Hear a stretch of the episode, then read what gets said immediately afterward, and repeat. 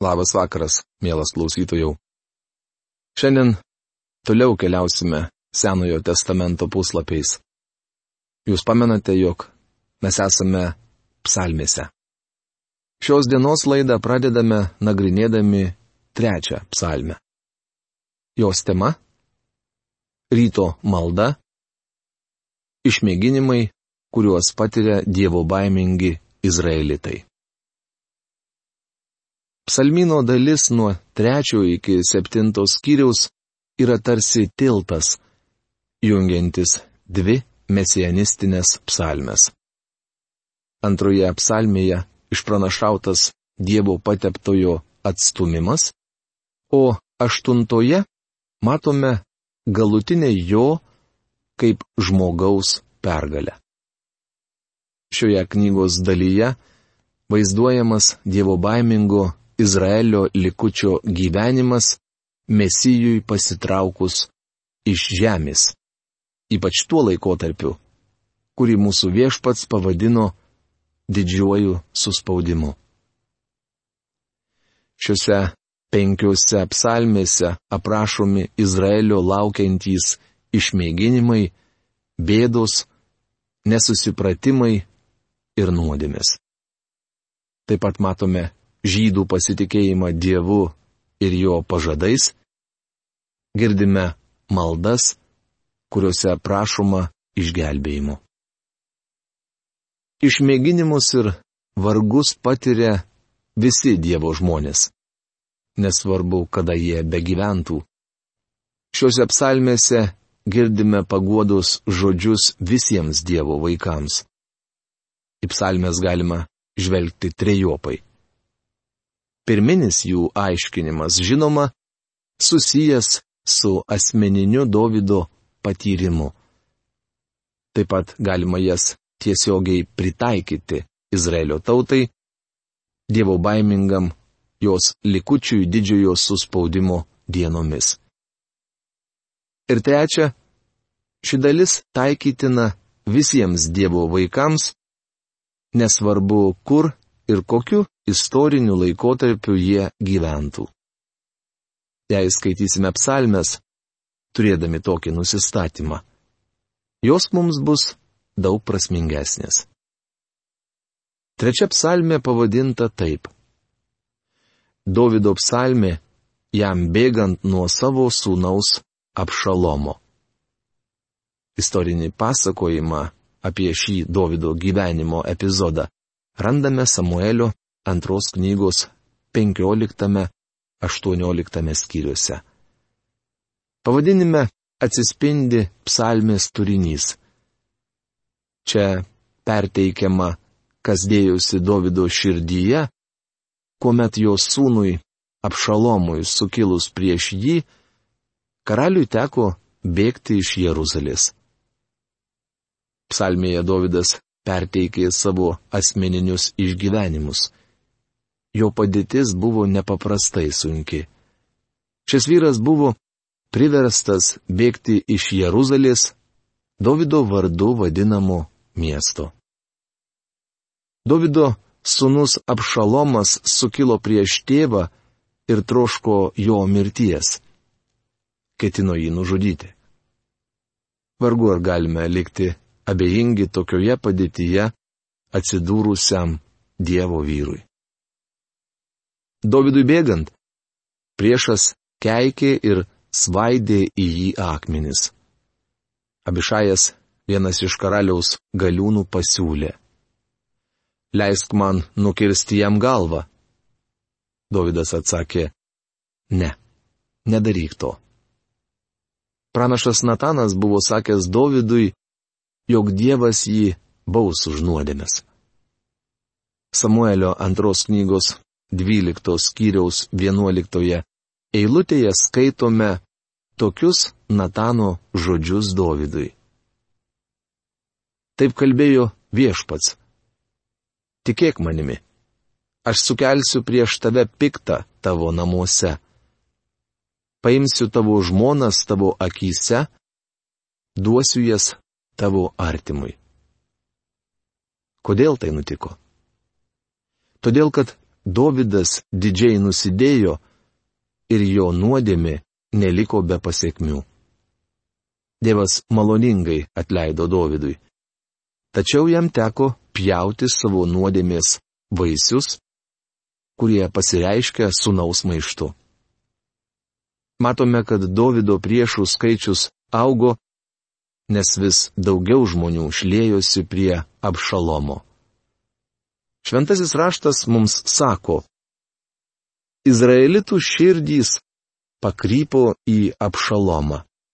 Taip užrašyta Samuelio antroje knygoje, 15 skyriuje, 13 eilutėje. Apšalomas buvo patrauklus jaunuolis ir gudrus politikas. Žadėjo žmonėms daugiau, nei galėjo ištesėti. Apšalomui sukilus prieš Dovydą, jo pavyzdžių pasiekė daugelis kitų. Karalius paliko Jeruzalę raudodamas. Basas perėjo Kidrono upelį. Atrodė, niekas nebegali jam padėti. Turėdami tai omenyje, pradėkime skaityti trečią psalmę. Ak viešpatie, kiek daug mano priešų, daug mane puolančių. Trečios psalmės antra eilutė. Girdime Davido širdies balsą, jam paliekant Jeruzalę. Daug apie mane sakančių, Dievas jo neišgelbės, sela. Trečios psalmės trečia eilutė. Daugelis tvirtino, jog Davidas nesulauks iš Dievo pagalbos, kad šį syk Dievas bus jį apleidęs. Tačiau Dievas nepaliko Dovido. Kai išgirstu ką nors sakant, nesuprantu, kaip Dievas galėjo susidėti su tokiu žmogumi kaip Dovydas, man visuomet norisi atkirsti. Jei jis susidėjo su Dovydu, galbūt susidės ir su mumis. Bičiuli, būkite dėkingi Dievui, kad jis būtent toks. Dievas, taip sakant, susideda su tokiais žmonėmis kaip Dovydas ir yra pasiruošęs atleisti kiekvienam atgailaujančiam tikinčiajam. Tačiau tai dar nereiškia, kad Dovydui nereikėjo mokėti už savo nuodėmę. Trečia eilutė baigėsi žodeliu sela. Šventojo rašto aiškintojai daug diskutavo dėl šio žodžio prasmės. Psalmėse jis pavartotas 71 kartą. Mano įsitikinimu, psalmės buvo gėdamos pritariant muzikos instrumentams. Jas atlikdavo orkestras ir didelis giesmininkų choras. Esu tikras, kad Jeruzalė dėl to garsėjo visame pasaulyje. Žmonės iš artimų ir tolimų kraštų atvykdavo pasiklausyti psalmių ir jas lydinčios muzikos. Mano manimu, Selah reiškia muzikinę pauzę. Eiliniam žmogui mažai nutuokiančiam apie muziką tai reiškia sustok, apsižvalgyk ir įsiklausyk. Panašus ženklas statomas prie geležinkelio pervažus. Pamenu, kai buvau mažas, mano tėvas važiuodavo arklių traukiamų vežimu į Snaiderio miestą, Teksaso valstiją. Kartais su juo vykdavau ir aš. Jis visuomet sustodavo prie geležinkelio pervažos.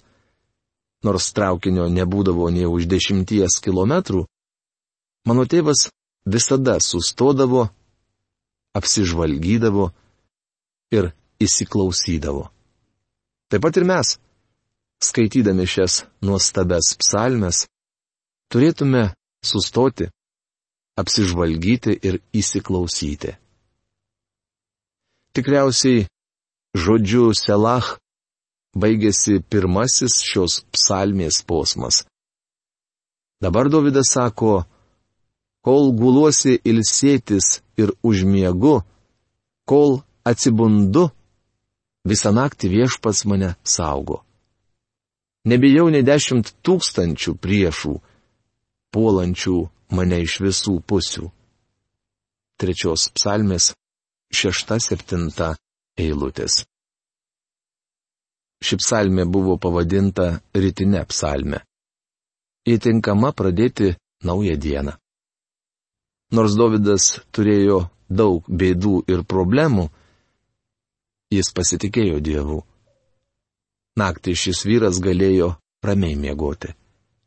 Jis neturėjo galimybės išgerti aspirino ar raminamųjų vaistų, kurie padėtų jam užmigti.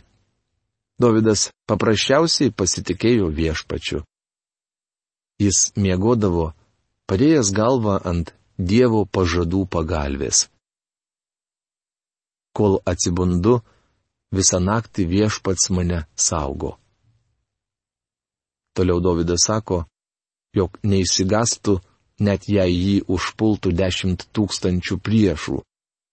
Tai yra šis vyras nepabūgtų net viso pasaulio. Daugelis drąsiausių visų laikų žmogumi laiko Kromvelį. Sykį kažkas jo paklausė.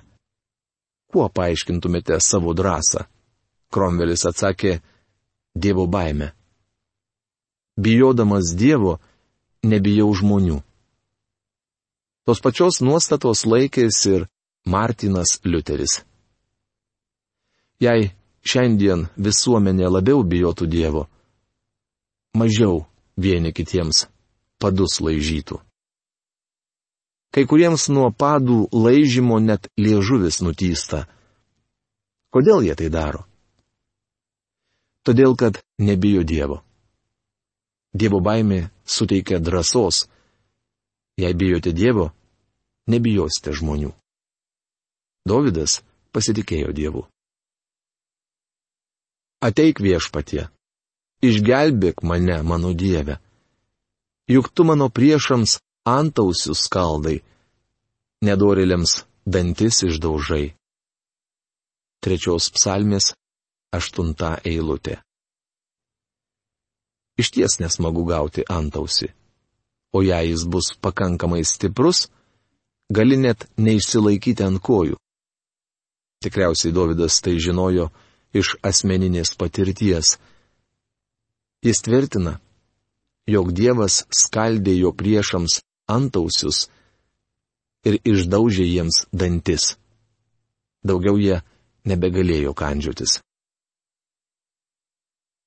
Išgelbėjimas viešpaties valioje.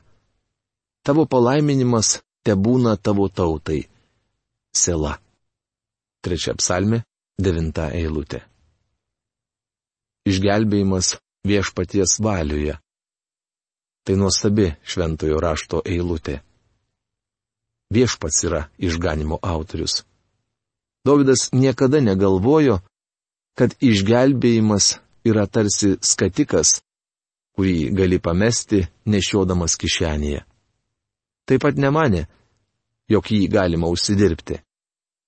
Išgelbėjimas - Dievo dovana išgelbėjimas viešpaties valioje. Tavo palaiminimas te būna tavo tautai. Tuomet vėl skaitome žodelį Selach. Mums reikia sustoti, apsižvalgyti ir įsiklausyti. Šioje psalmėje Davidas paminėjo keletą nuostabių dalykų apie Dievą. Pavyzdžiui, Ketvirtoje eilutėje viešpatį jis vadina savo skydu. Dievas tarsi skydas uždengia savuosius. Laiško Efeziečiams šeštos skyriaus šešioliktoje eilutėje mums liepiama visais atvejais pasiimti tikėjimo skydą. Davidas puikiai žinojo skydo paskirtį, mat dažnai jį naudodavo. Dievas buvo ir šio vyro garbė. Tai yra, Davidas tikėjo Dievo artumu. Kaip pamenate, vienu metu Izraelį dengė šlovės debesis. Tai buvo regimas Dievo artumo ženklas, liudijantis, jog viešpats yra tarp savo tautos. Šiandien, bičiuli, mes gyvename tikėjimu ir Dievo šlovė yra su mumis. Jis apsireiškia saviesiems. Dar šioje psalmėje sakoma, jog Dievas pakėlė Davido galvą. Kaip tai suprasti? Dievas pažadėjo Dovydui pastatyti namus ir jį palaiminti, išgarsinti jo vardą ir jo karališką sostą padaryti amžiną. Dovydas sakė, jis pakels mano galvą.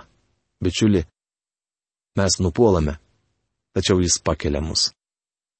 Tai nepaprasta psalmė. Tiesa, Ketvirta psalmė. Tema vakaro malda - žmogaus, sunaus ir jo vardu besimeldžiančiųjų prašymas. Ši trumpa psalmė skirstoma taip. Pirma - šauksmas, antra ketvirta eilutės, antra - pamokymas, penkta šešta eilutės ir trečia - tikrumas, septinta devinta eilutės. Pradžioje skaitome muzikinį prierašą. Choro vadovui, su styginiais instrumentais, Davido psalmi. Ši psalmė prasideda garsių šauksmu. Sunkiu metu Dievo žmonės visuomet maldoje randa prieglopstį. Kaip matėme, Dievas yra jų skydas. Kai šaukiuosi, išklausyk mane, o mano teisusis Dieve. Kai buvau varge, tu man padėjai. Būk man maloningas ir išklausyk mano maldą. Ketvirtos psalmės antra eilutė. Vargas reiškia priespaudą. Gyvenime mes patiriame didelių sunkumų, todėl mums būtinas padrasinimas, kurį randame Dievo žodyje. Viešpats artimas kiekvienam, kas jo šaukėsi Visiems, kas jo nuoširdžiai trokšta, rašoma 145 psalmės 18 eilutėje. O štai 50 psalmės 15 eilutėje skaitome. Šaukis manęs vardo dieną. Išgelbėsiu tave ir tu mane šlovinsi. Izaijo knygos 65 skyriaus 24 eilutėje Dievas mums sako, atsiliepsiu pirmiau, negu jie šauksis, išklausysiu dar jiems tebe kalbant. 18 psalmės 7 eilutėje skaitome labai asmeniškus žodžius. Savo skausme šaukiausi viešpaties, prašiau savo Dievo pagalbos. Jis išgirdo mano balsą savo šventykloje ir mano pagalbos šauksmas pasiekė jo ausis. 55 psalmės 17 eilutėje mums sakoma. Bet aš šauksiuosi Dievo ir viešpats mane išgelbės. O 86 psalmė 7 eilutėje. Vargo dieną šaukiuosi tavęs, nes tu išklausai mano maldą. Galiausiai 91 psalmės 15 eilutė byloja. Kai jis šauksis manęs, išklausysiu būsiu su juo varge, išgelbėsiu ir pagerbsiu. Biblijoje gausu tokių nuostabių pažadų. Ketvirtoje psalmėje Davidas prašo, kad Dievas būtų kartu su juo. O žmonės, kada liausite steršę mano garbę? Kodėl mėgstate kas tuščia ir griebėtės melo? Sela. Žinokite, kad viešpats atsirenka savo ištikimąjį.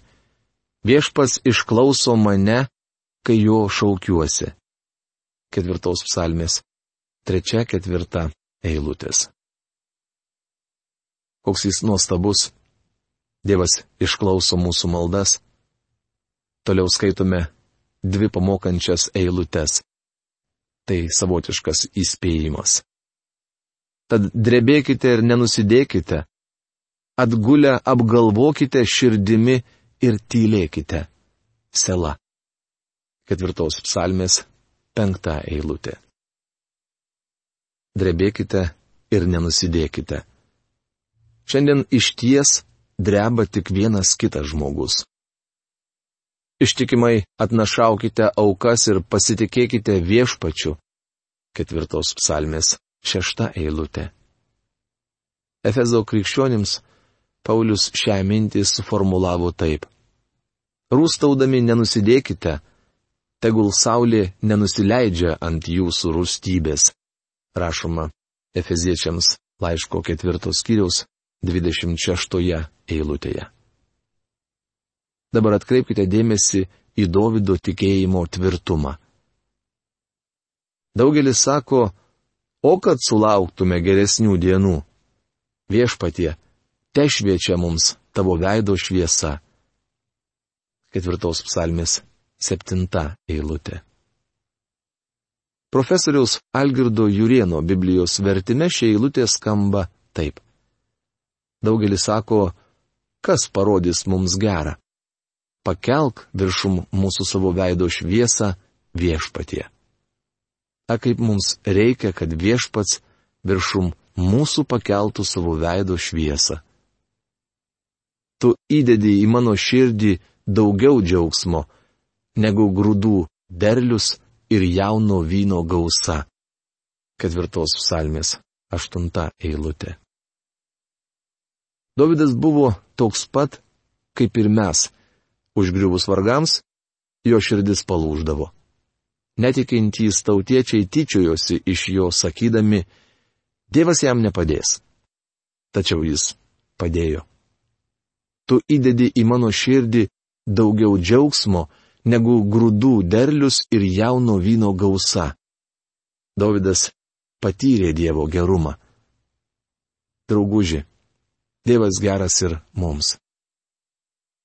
Paklausykite, kokiais žodžiais baigėsi šį vakaro psalmį. Kai einu ilsėtis, ramiai užmiegu, nes tu vienas viešpatie leidi be rūpešio ilsėtis. Ketvirtos psalmės devinta eilutė. Bičiuli, gal jūs negalite užmigti, neišgeręs migdomųjų vaistų? O ar kada bandėte prieš miegą skaityti ketvirtą psalmę? Ji daug veiksmingesnė už bet kokius migdomuosius. Ak kokios turiningos šios psalmės. Be to, ateityje Dievo žmonėms sunkia valanda jos turės nepaprastai didelę reikšmę. Mielas klausytojų, šioje rašto dalyje šiandien mes sustosime, nes mūsų laidos laikas baigėsi. Iki greito susitikimo. Sudė.